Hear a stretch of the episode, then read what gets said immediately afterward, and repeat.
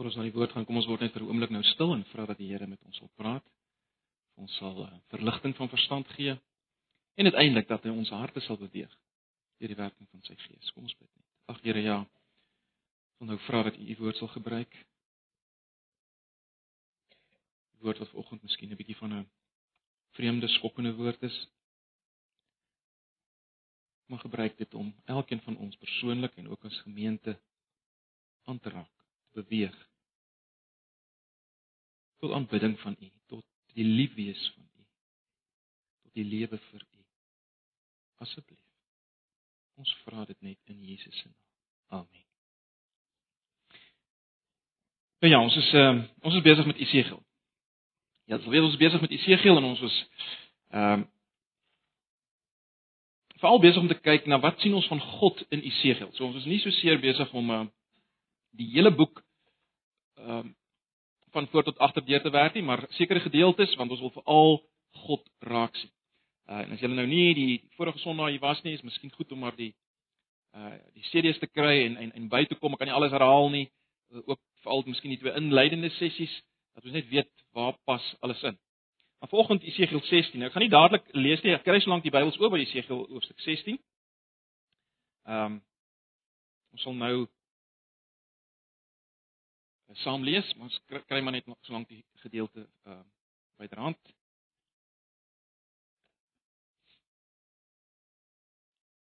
Nou ek ek dink ons almal wat hier sit het al beleef hoe hoe kragtig uh visuele beelde kan wees, né? Nee. Uh visuele voorstellings. Ek dink ons almal wat hier sit is al op een of ander stadium uh tot trane beweeg deur wat ons gesien het of tot stilte geskok deur wat ons gesien het, né? Nee. Nou natuurlik Esegiel uh, leef voor die tyd van van film en televisie. Maar hy gebruik hier in hoofstuk 16 wat ons nou gaan lees, nou nou gaan lees. Hier in hoofstuk 16 gebruik hy 'n uitgebreide allegorie as so 'n woordbeeld. Nie film of televisie gehad nie, maar hulle kon beelde gebruik deur die woorde wat hulle gebruik. Wil hê ons moet iets sien. En hy doen dit natuurlik om mense emosioneel te beweeg om uiteindelik hulle te beweeg tot verandering van denke wat lei tot verandering in gedrag. Nee, so met ander woorde tot omkeer tot bekering wat uiteindelik uh, sal blyk uit hulle lewens uit. Nou die onderwerp uh, wat Esegiel gebruik in sy woordbeeld in hoofstuk 16 is ook 'n onderwerp wat ons almal onmiddellik aangryp. Beweeg tot emosie.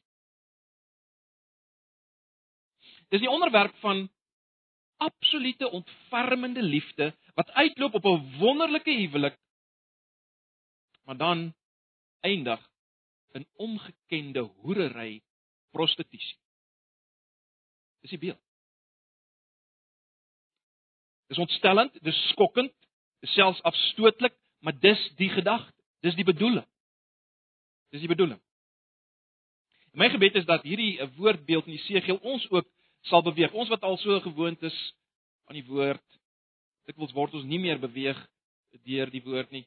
En my gebed is dat ons weer eens vanoggend beweeg sal word deur wat ons hier sal as te ware sal sien. So wat ons gaan doen is ons gaan probeer om 'n oorsig te kry van wat hier gebeur, maar natuurlik ons klem is weer eens op op God uh en wat ons sien van hom en wat ons vanoggend gaan sê sluit weer aan by sekere dinge wat ons reeds gesê het. Ek wil net hê ons moet uh, vinnig uh, die onmiddellike konteks in gedagte hou.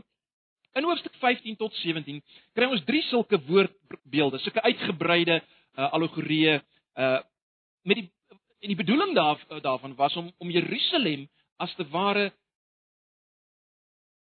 te skok, te beweeg tot bekeer. Dis die hele gedagte.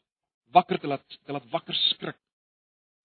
Uh die beeld wat Efesiërs hoofstuk 16 gebruik, die een van ons waarna ons vanoggend gaan kyk, Uh terloops dit word so 'n bietjie aangeraak ook weer in hoofstuk 23, maar hierdie beeld lê tussen twee ander beelde. In hoofstuk 15, uh as julle nou al Jesegiel gelees het, in in hoofstuk 15 word Jerusalem geteken as 'n nuttelose wingerdstok. Wat eintlik vir niks anders deeg as om verbrand te word. En die beeld suggereer natuurlik natuurlik dat die Israeliete of ten minste 'n hele klomp van hulle uh, was geneig om hulle self te sien as 'n gekultiveerde wingerd. Nou ons vir ons maak dit miskien nie so baie sin nie, maar in daai tyd as jy 'n wingerd gehad het, ek meen dit was die kosbaarste, die mees gesogte plant wat jy kon besit in Israel, in Oud-Israel. En die volk het hulle self so gesien. Onmisbaar. Gekultiveerde winge.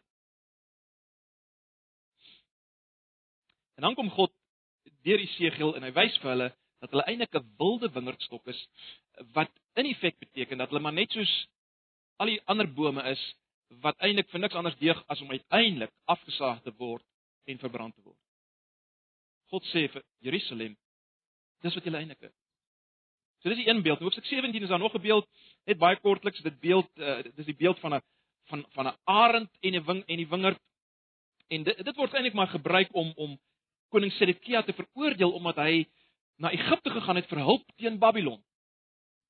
En dit was nie wat die Here wou gehad het. Ons gaan nie nou daarop uitbrei nie, maar dis die beelde. Uh die mees verrassende egter, die mees skokkende beeld word hier in hoofstuk 16 gekry. Nou, dit is 'n baie lang gedeelte, dit is so 63 verse, so ek gaan nie alles lees nie. Maar wil tog hê ons moet 'n 'n hele klomp van hierdie verse lees. So bly maar by, ek sal ek sal aandui waar ek 'n paar oorslaan. Kom ons kom ons sien as te ware dit wat Esegiel hier vir ons wil laat sien. Esegiel 16 vanaf vers 1. Ek gaan maar die 83 vertaling gebruik. Die woord van die Here het tot my gekom vers 1. Mens sê vir Jerusalem wat se afskuwelike dinge hy gedoen het in 'n sekere ding sekere sin dink ek dit moet sy wees, maar goed. Jy moet sê vers 3, so sê die Here my God vir Jerusalem, Kanaan is die land van jou herkoms en jou geboorte, jou pa was 'n Amoriet, jou ma Hetit. Toe jy gebore is, is jou naaldstring nie afgesny nie, jy is nie gebad nie, nie met sout ingevryf nie en ook nie in doeke toegedraai nie. Niemand was oor jou besorg of het soveel vir jou oorgehad dat hy een van hierdie dinge vir jou gedoen het nie. Jy's met afskeid behandel en in die veld weggegooi die dag toe jy gebore is. Toe ek verbygekom en jou in jou bloed sien spartel, ek het vir jou daar waar jy in jou bloed gelê het gesê leef. Ja, ek het vir jou daar waar jy in jou bloed gelê het gesê leef, groei. Ek het uh, jou soos 'n veldplant laat groei en jy het gegroei en groot geword. Jy het 'n pragtige meisie geword. Jou bors het styf geword en jou hare lank, maar jy was kaal. Jy het nie klere gehad nie. Toe ek by jou verbygekom en gesien dat jy volwasse begin word het, of of toe ek by jou verbykom en sien dat jy volwasse begin word het, het ek jou onder my sorg geneem en vir jou klere aangetrek, uh, aangetrek. Ek het my met 'n eed aan jou verbind. En met jou verbond aangegaan sê die Here my God, jy het myne geword. En dan uh uh gaan dit maar net aan oor hoe die klere aangetrek is vir hierdie uh meisie. En dan vers 13, jy kon jou tooi in goud en silwer, jou jou kleen linne, kosbare stof, jou kleurige materiaal, jou kos was fynmeel, heuning en olie. Jy het baie mooi geword. Geskik om 'n koningin te word. Jy het onder die nasies vers 14 beroemd geword om jou skoonheid. Dit was 'n volmaakte skoonheid, die gevolg van die pragt waarmee ek jou uitgerus het. Sê die Here my God. Maar toe verlaat jy jou op jou skoonheid Jy gebruik jou beroemdheid om 'n slet te word. En jy stel jou vrylik tot beskikking van enige iemand wat verbykom. Jy word sy. En dan kom ons kyk net vinnig na vers 20 en 21. Dit, dit pas amper nie in nie, maar 'n skokkende goed wat ingebring word hier in vers 20 en 21. Jy het jou seuns en jou dogters wat jy vir my in die wêreld gebring het gevat en hulle vir die afgode as offermaaltye aangebied. Was jou ontrou nie genoeg nie dat jy ook nog my kinders moes slag en hulle vir afgode moes laat verbrand. Skokkend.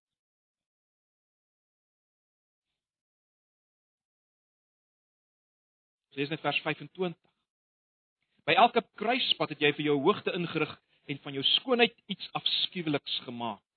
Jy het gretig gelê en wag vir elkeen wat verbykom. Jy het aan mekaar bly hoereer.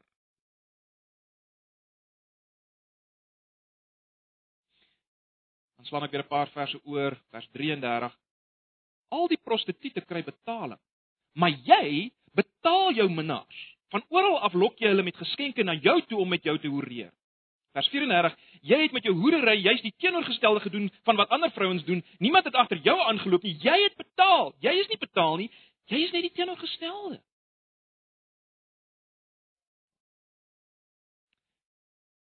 Dan God se oordeel in vers 39. Ek gee jou oor in die mag van jou minnaars. Hulle sal jou offerbulte afbreek, jou hoogtes verwoes. Hulle sal jou klere uittrek, jou juwele afvat en jou kaal sonder klere daar laat staan. Vers 42: Eers wanneer ek my gramskap teen jou laat uitwoed het, my woede op jou gekoel het, sal ek bedaar en nie meer bitter wees nie. Ekskuus, die klank het 'n bietjie daar af.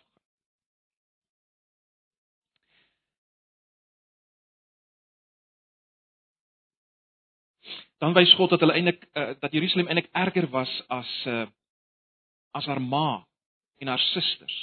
Kom ons lees net vers 51. Samaria het nie die helfte van die sondes gedoen wat jy gedoen het nie. Jy het baie meer afskuwelike gedoen, dinge gedoen as hulle. Teenoor al die afskuwelike dinge wat jy gedoen het, lyk dit of jou susters 'n goeie lewe gelei het. Dis nie jou susters Samaria en Sodom. En dan slaan ek weer 'n hele klomp oor. En ek wil net lees vanaf vers 60. Maar ek sal die verbond weer laat geld wat ek met jou in jou jeug gesluit het en ek sal dit altyd in stand hou. Vers 62 Ek sal my verbond met jou in stand hou en jy sal besef dat ek die Here is.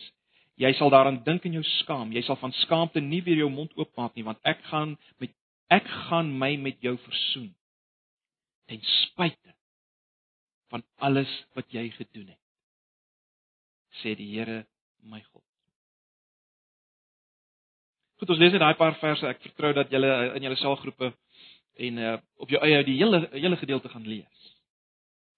Uh, wat ek wil doen is om nou net vinnig te kyk na die die hooflyn van hierdie allegorie. Net 'n paar uh opmerkings te maak vir helder nou opmerkings voor ons dit nader trek aan onsself. As ons kyk na uh vers 1 tot 7 kan ons dit noem as mens 'n uh, onderwerp waar daar, daarvoor wil gee of opskrif kan mens sê ons kry hier die verstommende reddingspoging wat ons gelees het.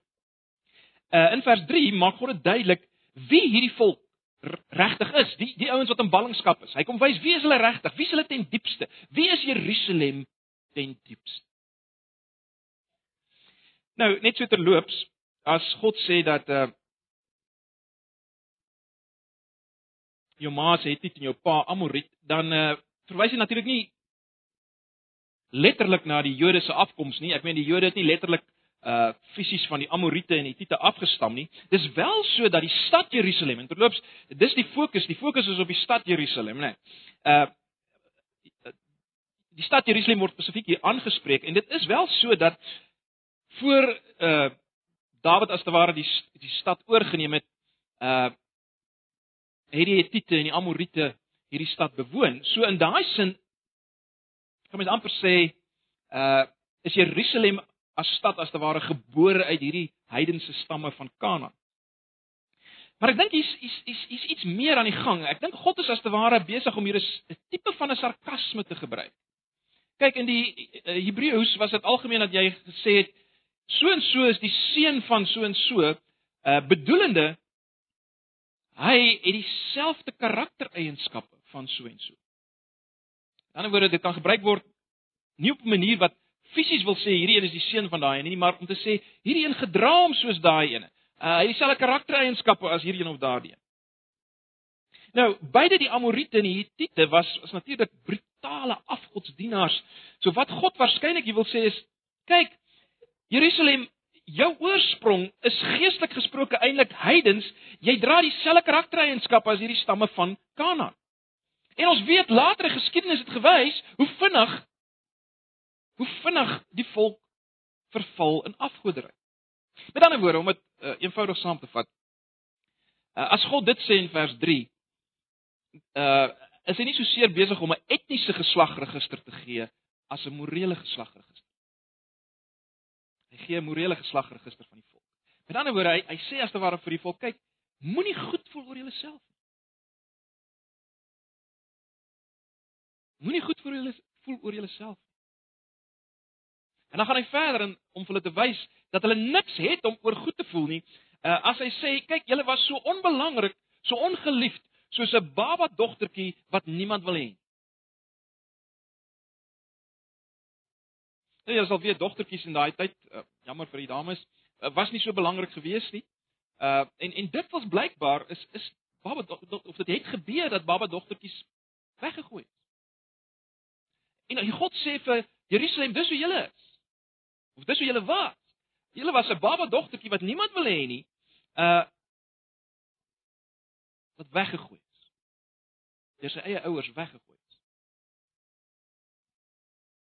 Meer nog, julle is 'n baba wat nie eens op op normale manier higienies behandel is nie. En en dit is wat die beskrywing van die naaldstring wat uh, nie gesny is nie en die feit dat die baba nie met sout ingevryf is nie, dit was maar 'n gebruik daai tyd om om die baba higienies te behandel. Hy uh, hy op sê is met sout ingevryf. God sê dis nie eers dis nie eers gedoen nie. Dit is soos julle was. En as mens nou dink aan Israel en en en wat hulle was in Egipte, hoe, hoe hulle amper uitgesterf het in Egipte, dan dan verstaan mense uh, meer van hierdie beeld. En dan kom God in vers 6 en 7 en hy wys op dramatiese wyse hoe hulle 'n volk geword het. Hoe hulle sy volk geword het. Hy het by wyse van spreuke hulle gesien spartel in hulle bloed en gesê: "Leef! Leef en groei." En dit het gebeur. So God bring hulle tot bestaan. God maak hulle 'n volk.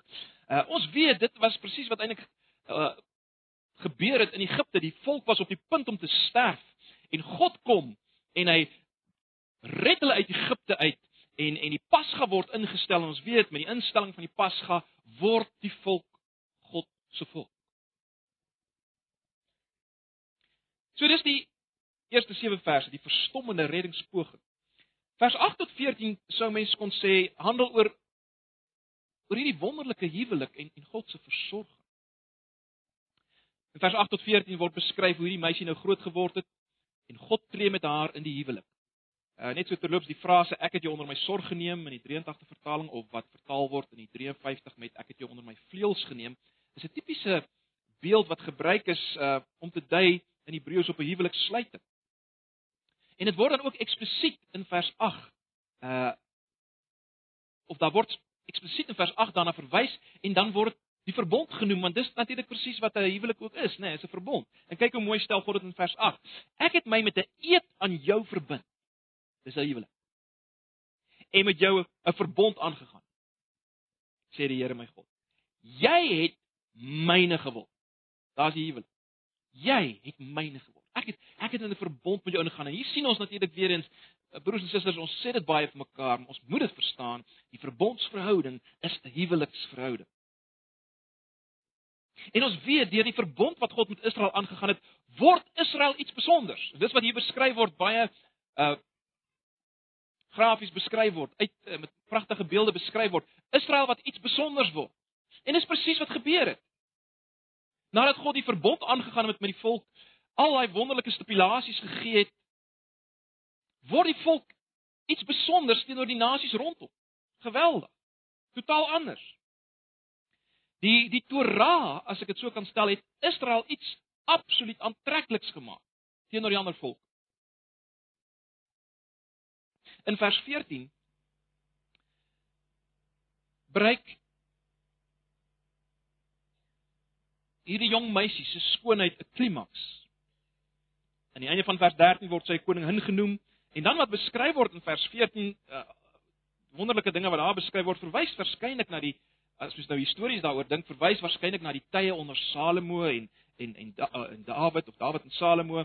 Julle sal weet Jerusalem het het eintlik die juweel van die van die Midde-Ooste geword en mense het van heinde en verre gekom om te kyk na na wat daar aangaan. Maar baie belangrik, dit alles is bereik deur God se onverdiende, onvoorwaardelike uitverkiesende liefde van hierdie volk wat niks was nie. Dit was nie omrede daar iets aantrekliks aanvanklik in hulle was nie. En uh, die boek Deuteronomium, ons het nie tyd om al die gedeeltes te lees nie, maar gaan lees maar Deuteronomium. God maak dit weer en weer duidelik. Ek het julle nie gekies omdat julle meer was en beter was as die ander ander volke nie. Inteendeel. Julle was minder as hulle. Baie belangrik. Ek het besluit om julle te kies uit liefde uit. Nie omdat ek klomp voor my gehad het en gesien dat julle staan bietjie uit bo die ander nie. Inteendeel, sê God. Dan lees maar Deuteronomium.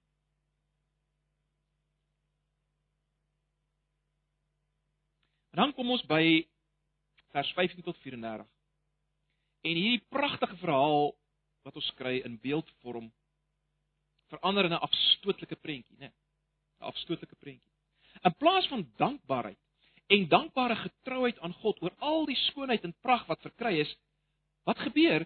Die volk maak nou staat op haar skoonheid en gebruik juis haar skoonheid. Let wel. Sy gebruik juis haar skoonheid om te oreer, die skoonheid wat God vir haar gegee het.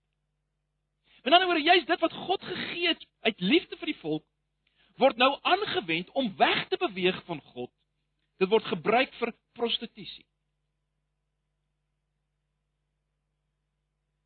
Nou, eh, eh, julle sou agtergekom dat alhoewel hier natuurlik sprake is van geestelike prostitusie uh of hoerery dan was daar ook werklike fisiese hoerery want dit was deel van die heidense godsdienste se godsdiens waarmee hulle gehoreer het want hulle nou deel gekry het. So so die die die beeld slaan eintlik na twee kante toe, né? Fisies en geestelikheid.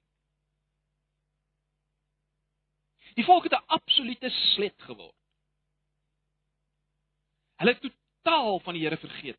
En ag, mense dink aan Deuteronomium 6 vers 12 waar die Here sê: "Pas op dat julle my nie gaan vergeet as dit so goed gaan in die land." Dis wat gebeur. Dat God vergeet. vergeet in die sin in 'n verhoudingssin, né? Soos ons vir iemand sal sê, dit lyk vir my jy het my vergeet. Dit beteken nie jy weet nie meer van my. My jy het my vergeet. En dis wat gebeur. Vers 20 en 21 is natuurlik absoluut walglik. Uh, ons lees dit maar net weer. Jy het jou seuns en jou dogters wat jy my wat jy wat jy vir my in die wêreld gebring het. Gevat en hulle vir die afgode as offermaaltye aangebied. Was jou ontrou nie genoeg nie dat jy ook nog my kinders moes slag en hulle vir afgode moes laat verbrand? Dis waar die afgod Moloch ingekom het. Uh, letterlik is die kinders verbrand in die vuur. Israel doen dit. Kan jy dit nie voorstel? Maar sekerlik is vers 30 tot 34 nog meer skok. Die skokkende van alles. Kyk, hoe onverskoonbaar prostitusie ook al is, né? Nee, ek kan my nog verstaan dat soms word vrouens deur omstandighede uh deur absolute armoede amper in 'n sekere sin gedwing tot prostitusie, hoe onverskoonbaar dit ook al is. Mens mens sou nog kon sê daar's tye wat wat dit gebeur. Maar nou kom die Here en hy sê, kyk. Hierdie slim. Ander betaal nie om met jou te slaap. Jy betaal om met hulle te slaap. Jy's nie eens 'n gewone prostituut nie. So die punt is Jerusalem, al hierdie afgoderry is nie op jou afgeforceer nie. Jy het dit gekies. Jy het dit lief. Jy betaal daarvoor. So hulle is nie eers goed genoeg om gewone prostituie genoem te word. So dis die hooflyn van die allegorie. Dis die hooflyn van die allegorie. En dan In vers 35 tot 63 is daar 'n bietjie uitbreidings eintlik op hierdie allegorie. Eerstens in vers 45 tot 43 God se oordeel. In hierdie verse spreek God sy oordeel oor hulle uit. En ons moet verstaan, broers en susters, hy sal natuurlik nie God wees as hy dit nie doen nie.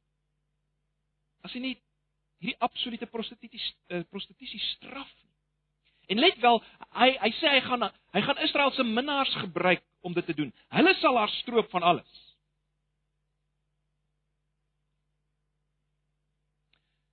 Dan in vers 42 wys God maar net dat dit wat hy doen word nie gedryf deur 'n blote slegte humeur nie. Nee, daar's dis 'n denkende, regverdiglike mens kan amper sê wetlike optrede. Hy sal sy oordeel op hulle uitstort totdat hy as te ware tevrede gestel is. Dit wys vir ons dit is nie maar net 'n uitbarsting. God weet wat hy doen in sy oordeel. So dis vers 45, ag vers 35 tot 43. Dan in vers 44 tot 52 uh wys God op hierdie moeder en susters van Jerusalem wat eintlik meer regverdig is as sy.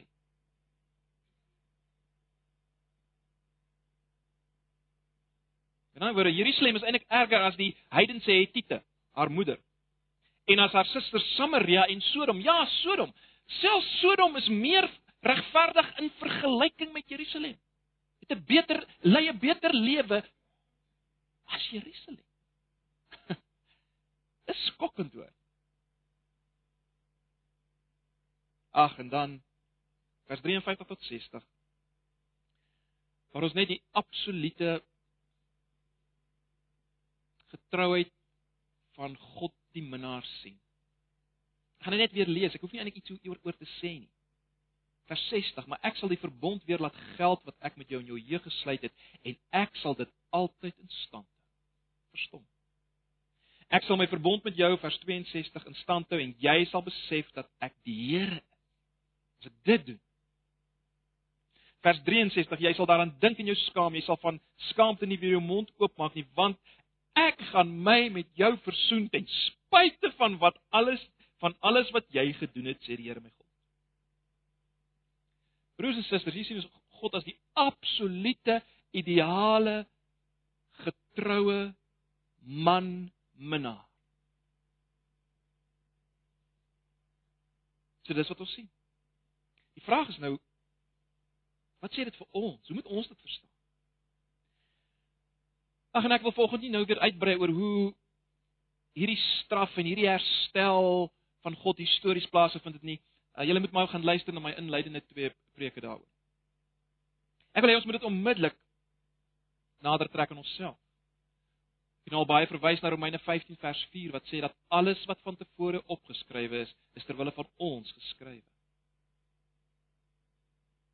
En in hierdie gedeelte dink 'n mens aan 'n gedeelte soos Efesiërs waar die verhouding tussen ons as Christene en die Here Jesus eksplisiet ook beskryf word as 'n huweliksverhouding. En in die lig daarvan kan ons met vrymoedigheid hierdie beeld vat wat ons in die segel kry, want hierdie beeld word in 'n sekere sin dwarsdeur getrek tot binne in Openbaar. So daarom kan ons dit gebruik. So broers en susters, ek dink as ons deur hierdie gedeelte geraak wil word, beweeg wil word, moet ons vanoggend, ons moet vanoggend as as individue en as gemeente gewillig wees om om sekere dinge te erken. Ek dink ons moet gewillig wees om te erken dat ons as Christene vanoggend meer nog ons as gereformeerde kalvinistiese wit Afrikaans sprekende baptiste ons moet erken dat ons juis ook in hierdie selfde posisie as Jerusalem kan kom. Ons self daarin kan bevind dat juis ons in geestelike prostitusie kan verval, juis omdat ons staat maak, juis omdat ons goed voel, juis omdat ons roem oor die geestelike skoonheid. Ja, let wel, die geestelike skoonheid wat God ons gegee het. Juis as gevolg daarvan kan ons verval in die posisie van Jerusalem. En en ons moet gewillig wees vir oggend om dit te erken, anders dan gaan hierdie stuk by ons verbygaan. Elkeen persoonlik moet gewillig wees om te sê, dit mag dalk ek wees. Ek mag dalk in hierdie toestand in beweeg. Juis omdat ek staat maak op my geestelike skoonheid, dit wat God my gegee het. Dit waarvan ek deel kan wees uit genade. Jy sien ons kan vanoggend vreeslik vroom hier sit. Terwyl as ons eerlik is, hoe reer ons met dinge rondom ons wat ons reken ons lewensbetekenis kan gee. Ons het verlede Sondag nou daaroor gepraat. Ek wil nie weer alles herhaal nie, maar daai dinge waarvan ons sê ek het hierdie ding nodig om my gelukkig te maak.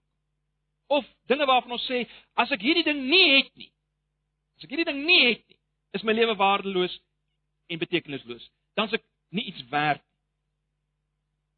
Julle onthou ons het verlede Sondag gesien dit kan dinge in uh, uh, dit kan dinge insluit soos die goedkeuring van ander. Die goedkeuring van ander.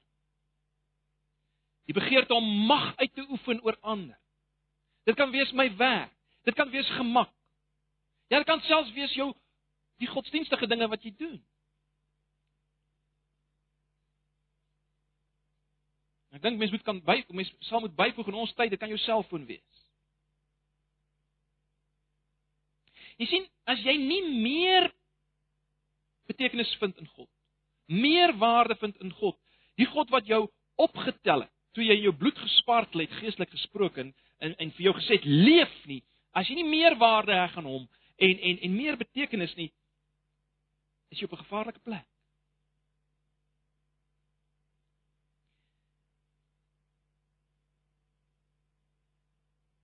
Ons het mekaar gesê ek het nou daarna verwys, mense kan selfs hoereer met al die godsdienstige dinge wat jy doen.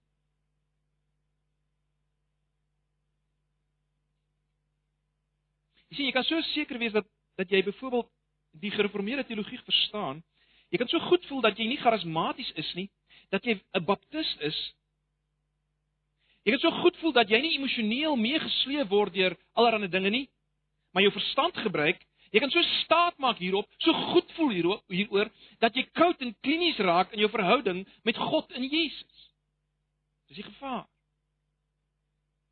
En hierdie koudheid kan juis veroorsaak dat jy eintlik al meer jou sinne en betekenis vind bloot in wat jy weet en in wat jy doen as Christen en nie meer in Christus die minnaar self nie. Dis die probleem. Dit is 'n wesentlike gevaar. Vir ons wat hier sit. 'n Wesentlike vir my wat hier staan. 'n Wesentlike gevaar. Vind jou vervulling Jy vind jou betekenis in wat jy weet. In wat in die Christelike dinge wat jy doen, maar nie meer in Jesus self en die verhouding met hom. Jy sien jy gebruik jou skoonheid om te oreer, dis maar dieselfde dit wat Jerusalem gedoen. Is ons nie dalk in 'n erger toestand as baie van die rondom ons na wie ons die vinger wys? Is dit nie dalk erger? Jerusalem was erger as Samaria en Sodom. En ons? Al die ouens na wie ons die vinger wys. Zuma en die kapers en die moordenaars en die egbreekers rondom ons. Is hulle nie dalk beter as ons nie? As hulle alles ontvang het wat ons ontvang het, sou hulle nie dalk beter gewees het? Ons moet hierdie harde vraag van onsself afvra, broers en susters. Die eerste vanoggend is is dit uh net soos in die geval van Jerusalem is die eerste vanoggend dat dis moontlik dat ons erger as prostituie kan wees. Want jy sien die vraag is vanoggend word ek en jy gedwing om nie meer tyd aan God self te spandeer as aan ander dinge nie. Word ons gedwing daarin? Of kies ons dit omdat ons meer lief is vir hierdie ander goed? Is ons nie erger as prostituie nie.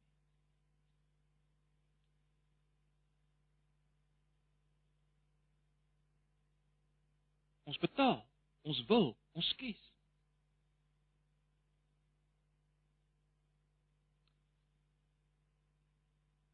Ek het aan die begin gesê ons fokus is op God en ons moenie dit vergeet nie. Ons fokus in hierdie studies is is op God, op wie God is en en die punt vanoggend is broers en susters, ons moet sien en besef ja, wat ons doen. Eh, dit is maklik om om dit af te skuif op Jerusalem. Ons moet besef wat ons doen, maar ons moet baie maar baie belangrik vir oggend, ons moet besef dat wat ons doen, doen ons aan God. En daarom is dit belangrik om te verstaan wie is God, soos dit na vore kom in hierdie gedeelte. En daarom moet ons kyk na God as minnaar wat beskryf word hier in Esegiel en ons moet bedink ons moet besef wat ons doen aan ons minnaar. Kyk, die die die hele rede waarom God hierdie kri skokkende taal gebruik, hierdie skokkende beelde. Hoekom doen hy dit? Sodat ons kan verstaan hoe hy voel. Dis dis die rede agter hierdie beelde. Hy wil hê ons moet verstaan hoe hy voel. Hierdie goed word aan hom gedoen, let wel. Hy hy's nie daar ver, neutraal en nou beskryf hy wat hulle hier doen nie. Hierdie goed word aan hom gedoen. Dis belangrik om dit te verstaan. En daarom in die eerste plek moet ons ook onthou van waar ons kom. Dit word so uitgedruk in hierdie gedeelte. Mense dink aan vers 22 byvoorbeeld. Uh, God sê onthou. Hoe onthou waar jy was? Net en jy moet onthou waar ons was. Wat sou van ons geword het as dit nie was vir God in Jesus en die werking van die Gees nie? Alles wat jy is en alles wat jy het is onver, onverdiende liefde en genade en en en dit dit sluit selfs die fisiese en die materiële in. Jou gees, jou geestelike, dit wat jy geestelik het, maar selfs wat jy fisies, finansiëel het. Was dit nie vir God nie, waar was jy? So ons moet ons ons moet ons geestelike prostitusie in die lig daarvan bedink. Bedink die dinge wat jy doen in die lig van hierdie God wat ten spyte van alles wat jy doen en gedoen het jou uh, hom met jou met jou versoen. Dis die punt in vers 63. Is dit nie geweldig nie? Ons hoereer in God versoen. Ah. As dit 'n mens nie beweeg tot tot daaglikse bekering en terugbeweeg na hierdie God nie, sal niks nie. Ons hoereer en hy versoen. Jesus in die nag waarin hy oorgelewer is, het die brood gebreek en het die beker uit die beker geskink en gesê: "Doen dit tot my gedagtenis." Met ander woorde, dink aan wat ek gedoen het vir julle. Ons moet dink aan die feit broers en susters dat Jesus in 'n sekere sin die pad geloop het in die plek van die volk en ook in ons in ons plek. Hy's as te ware deur God weggegooi soos 'n weggooi dogter babatjie. In ons plek. Maar God wek hom op in ons plek. Dink daar. Dink daar. Maar nou baie belangrik, ek dink ook dat hierdie gedeelte wil hê ons moet raak sien die teenoorgestelde van hierdie ontrou. Met ander woorde, ons moet die die die ideaal van die Christelike lewe sien as die teenpool van hierdie ontrou. En dan oor wat is moontlik in die Christelike lewe? Wat was moontlik vir die volk? En die antwoord is diep geestelike gemeenskap met die ideale liefdevolle ontfermende vergewende versoenende man God in Jesus Dis wat moontlik is. Daar's niks beter moontlik in die lewe nie. Dink aan die geweldige vervulling en vreugde uh wat 'n seksuele verhouding gee waar waar daar 'n man is wat trou is en ontferm ontfermend is en en liefdevol is. Wel, baie meer is dit. Baie meer is dit is moontlik in 'n verhouding met God. Meer vervulling, meer vreugde.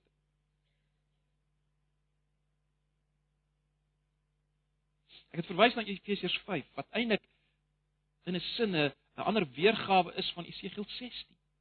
As daar gepraat word van wat Christus vir ons gedoen het, ons sy bruid en dit word voorgehou as 'n as 'n beeld vir die huwelik, let. En as ons hierdie waarheid vat, hierdie waarheid dat dis hoe ons die bruid van Christus geword het. Dis hoe ek deel geword het daarvan. Dit wat beskryf word in Esegiel 16 en bevestig word in Efesiërs 5. En as ek aanvaar dis wat ek nou is, bruid van Christus. As ek dit my goed vat, hoe ek die bruid geword het en ek vat die waarheid van ek is nou die bruid van Christus. Broers en susters, dan moet dit, dan moet dit verandering bring in ons in ons optrede. In ons manier van geestelik dink, in ons manier van geestelik lewe. Dit moet 'n verandering uh, verandering bring, nie waar nie? Met ander woorde, om God te sien as 'n ideale man en minnaar, ons as sy bruid, dit gaan die manier waarop ons leef en dink beïnvloed. Kom ons dink 'n bietjie probeer dit bietjie half prakties maak. Hoekom bring jy in die oggend vir jou man of jou vrou 'n koppie koffie in die bed? Vertrou daar sulke is onder ons. Dis nie omrede jy hom of haar joune wil maak nie. Hy sal reeds jou man of sy sal reeds jou vrou, né? Jy doen dit tog nie om seker te maak hy of sy los jou nie. Ons voel tog aan, dis nie hoe dit werk. Jy doen dit nie eers sodat hy of sy jou moet goed behandel nie. Trou nie so. Nou, as ons as ons dink aan op menslike in menslike terme oor hierdie goed, hoeveel te meer is dit waar in ons verhouding met Christus? Ons hoef nie dinge te doen sodat ons kan voel hy aanvaar ons nie. Ons moet verstaan, hy's altyd genadig, barmhartig teenoor my, selfs al verdien ek dit nie. Selfs al verdien ek dit nie. Dis hy so teenoor my. Let wel, hy is die ideale man. Die ideale minnaar. Wat gee vir jou en my vrymoedigheid in ons huwelik om om te praat, uh om te sê wie jy is, wat uh, wat gee jou daai vrymoedigheid om net te weet wie jy is? Ons het nie altyd daai vrymoedigheid nie, maar in die mate waarin ons daai vrymoedigheid het, hoekom? Wel omdat my man, my vrou my aanvaar ten spyte van wie ek is. Nou, broers en susters, hoeveel te meer? Hoeveel te meer? God weet alles van jou. Baie meer as wat jou man en jou vrou van jou weet. Jou man en jou vrou, eh, ons kan nie mekaar se harte regtig sien nie, nee, ons weet dit. Ons kan nie regtig, ons kan nie regtig daar binne sien. God weet alles. En hy het my steeds onvoorwaardelik lief. met die liefde wat hy gehad het aan die kruis. Dit behoort ons gedrag te verander, nee, dit behoort ons hele ons verhouding te verander.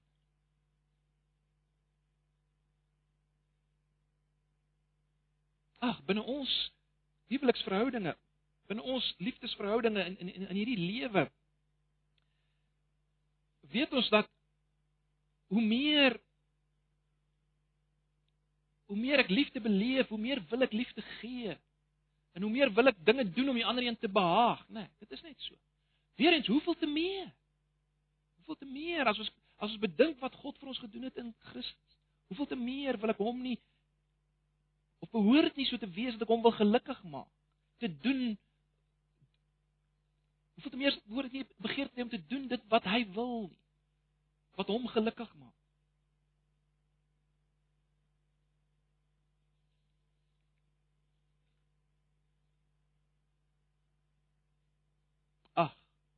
En dink nou aan sonde as die as die teenpool van hierdie dinge.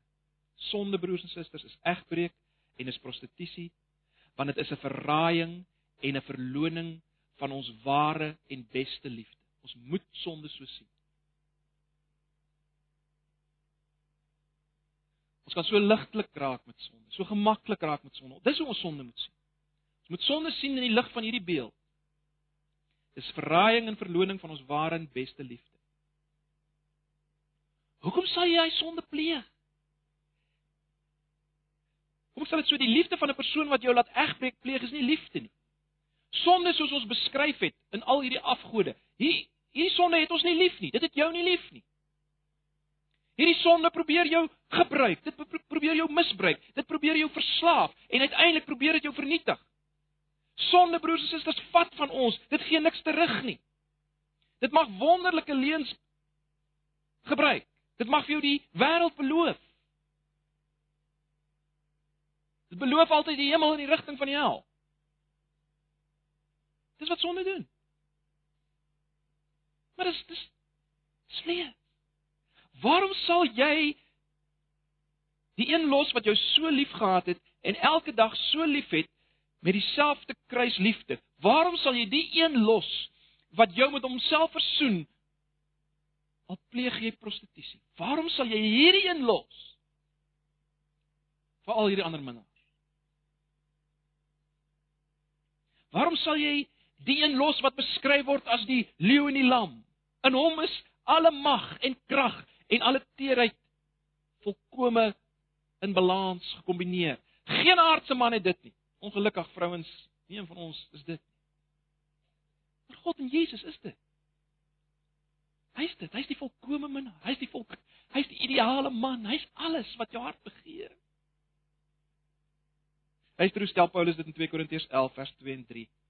Hy sê ek waak oor julle met 'n ywer wat van God kom, want julle is soos 'n jong meisie wat ek aan een man toegesê het as sy bruid en wat ek vlekkeloos na vlekkeloos na hom toe wil bring. Die man is Christus.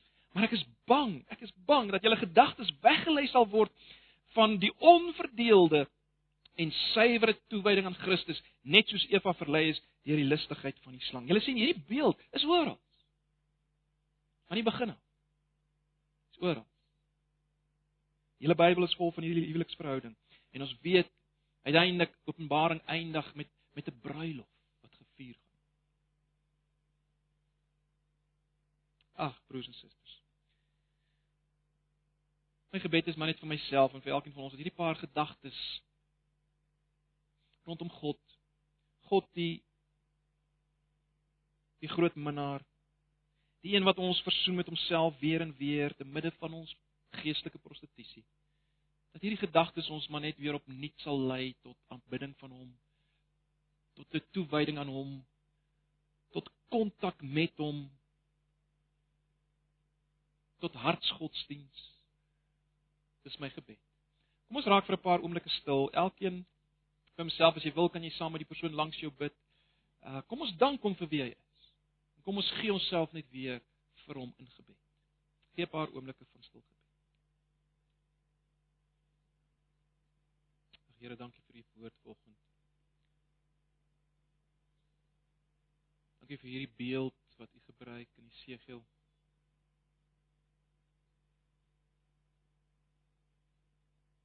Om ons oop te maak vir wie u is en ook ons oë oop te maak vir wat ons sonde eintlik ten diepste is. Ag Here, ons moet bely, ek self moet bely, dikwels dink ons aan ons sonde, ons oortredinge, ons ongeregtighede so klinies, so apaties. Ek wil vra dat U ons deur die Gees sal help om om waarlik te dink vanuit hierdie besef van wie is die minnaar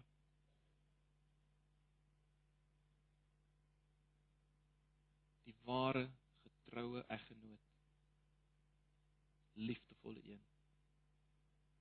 Ontfermende een. Op dat dit ons sal verander. Dat ons hele manier van dink sal verander. Ons lewenswyse sal beïnvloed.